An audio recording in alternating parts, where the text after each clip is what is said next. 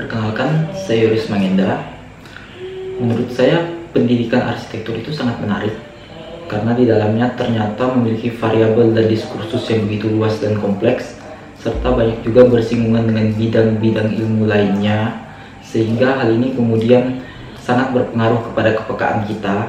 Tidak hanya sekedar persoalan desain atau berarsitektur namun sampai kepada kepekaan dalam menyikapi isu atau persoalan lain seperti lingkungan, budaya, filosofi, sosial, terlepas dari hanya sekedar mendesain sebuah wujud fisik bangunan semata.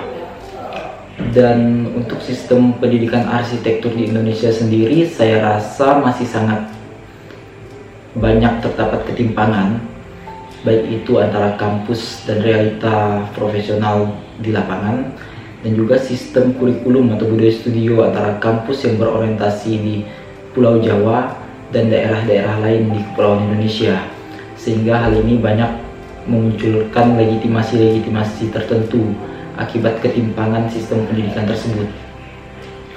Oleh karena itu, harapan saya semoga ke depannya sistem pendidikan arsitektur di Indonesia ini dapat menjadi lebih baik lagi dan tentunya merata di seluruh Indonesia dan jika hal tersebut membutuhkan waktu yang lama bagi teman-teman yang berada di daerah sama seperti saya, jangan berkecil hati.